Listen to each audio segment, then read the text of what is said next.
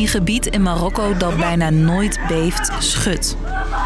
Een aardbeving met de kracht van 6,8 met heel veel schade en heel veel doden. Meer dan 600 doden gevallen. Inmiddels ruim 1300. Boven de 2100. En de verwachting is dat dat aantal nog verder zal stijgen. Er wordt gezocht naar overlevenden, maar niet overal komt de hulpverlening snel op gang. De staatsmedia laten bijvoorbeeld beelden zien van weggevaagde dorpen. Je ziet bijvoorbeeld uh, geen hulpverleners daar. Maar wat maakt dat hulp bieden nou zo lastig?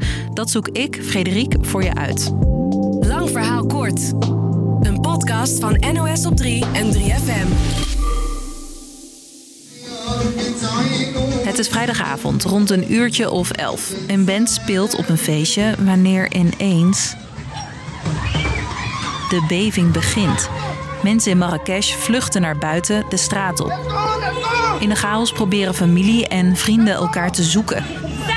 Dit is in Marrakesh, maar het epicentrum ligt in het Atlasgebergte. En ook honderden kilometers verderop is de beving te voelen. We waren thuis, we voelden zware trillingen, alles bewoog. We snapten niet wat er gebeurde, zegt deze vrouw. Bij haar en bij veel anderen zit de schik erin. De mensen hier reageren verslagen. Je hoort correspondent Samira Jadir, 24 uur na de beving. Nu pas is het echt duidelijk hoe groot uh, ja, de omvang is van deze ramp. Op het moment dat ik deze podcast maak zijn er meer dan 2000 doden. Ik heb twee dochters verloren. Gisteren lagen ze nog boven te slapen en toen is het plafond ingestort, vertelt deze vader. Nog duizenden mensen zijn vermist. De schade aan de huizen en gebouwen is enorm. Hulp is dus nodig, maar dat is lastig in het Atlasgebergte. Het rampgebied waar deze dorpen uh, zich bevinden, die zitten hoog in de bergen, die zijn heel erg moeilijk bereikbaar. Hoort mijn collega Samira weer. De wegen daar naartoe zijn heel erg slecht, dus het is heel erg moeilijk om daar te komen. Ja, je moet je voorstellen, in dit gebied zijn er tot een bepaalde hoogte wel autowegen. We gaan nu uh, wat hoger de bergen in. En het is hier en daar echt slalommen tussen rotsen en ezels. Maar dan worden de wegen smaller en smaller. Hier gebeurt alles te voet met ezels en paarden. Oh, kijk, dat hotelletje daar, dat is echt gewoon goed kapot, joh. Mijn hemel. Je hoort een andere collega van me, Mustafa Magadi. Hij is ook in het gebied en ziet met eigen ogen hoe dorpjes soms volledig zijn verwoest. De dorpjes die getroffen zijn, zijn veel agrarische dorpjes. Oftewel mensen die niet al te rijk zijn. Mensen die vaak huizen van klei en leem hebben. Als de wereld schudt met een kracht van 7, ja, dan gaan die er toch wel aan. Uitzondering, mensen die wat rijker zijn en wat steviger betonnen huizen hebben, die staan nog. Tenzij ja, je dan toch de pech had dat er een paar rotsen naar beneden vielen. Dan had zelfs je betonnen huis geen enkele zin. Mustafa ziet hoe mensen hun huis uitvluchten op zoek naar tijdelijk onderdak. Op een klein voetbalveldje waar waarschijnlijk de kinderen vroeger speelden. En dan zitten ze nu in tenten te wachten op uh, hulp.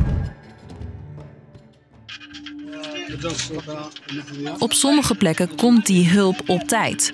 Reddingsteams weten mensen te bevrijden van onder het puin en overlevenden krijgen eten en drinken. We hebben alles, we komen niets tekort. Alles is er, zegt deze man. Maar dat is niet overal het geval, vertelt correspondent Samira. De staatsmedia laten bijvoorbeeld beelden zien van weggevaagde dorpen. Je ziet bijvoorbeeld uh, geen hulpverleners daar. Zoals ik je net al even vertelde, die getroffen dorpjes in de bergen zijn lastig te bereiken. Je kan daar niet eventjes met een vrachtwagen of bulldozer naartoe. Maar Marokko staat er niet alleen voor. Er is hulp vanuit het buitenland. Ja, in ieder geval zijn er Spanjaarden in het gebied. Een Spaans reddingsteam met zo'n 56 mensen en vier speurhonden zijn nu daar. En ook van Qatar, Saoedi-Arabië en het Verenigd Koninkrijk accepteert Marokko hulp.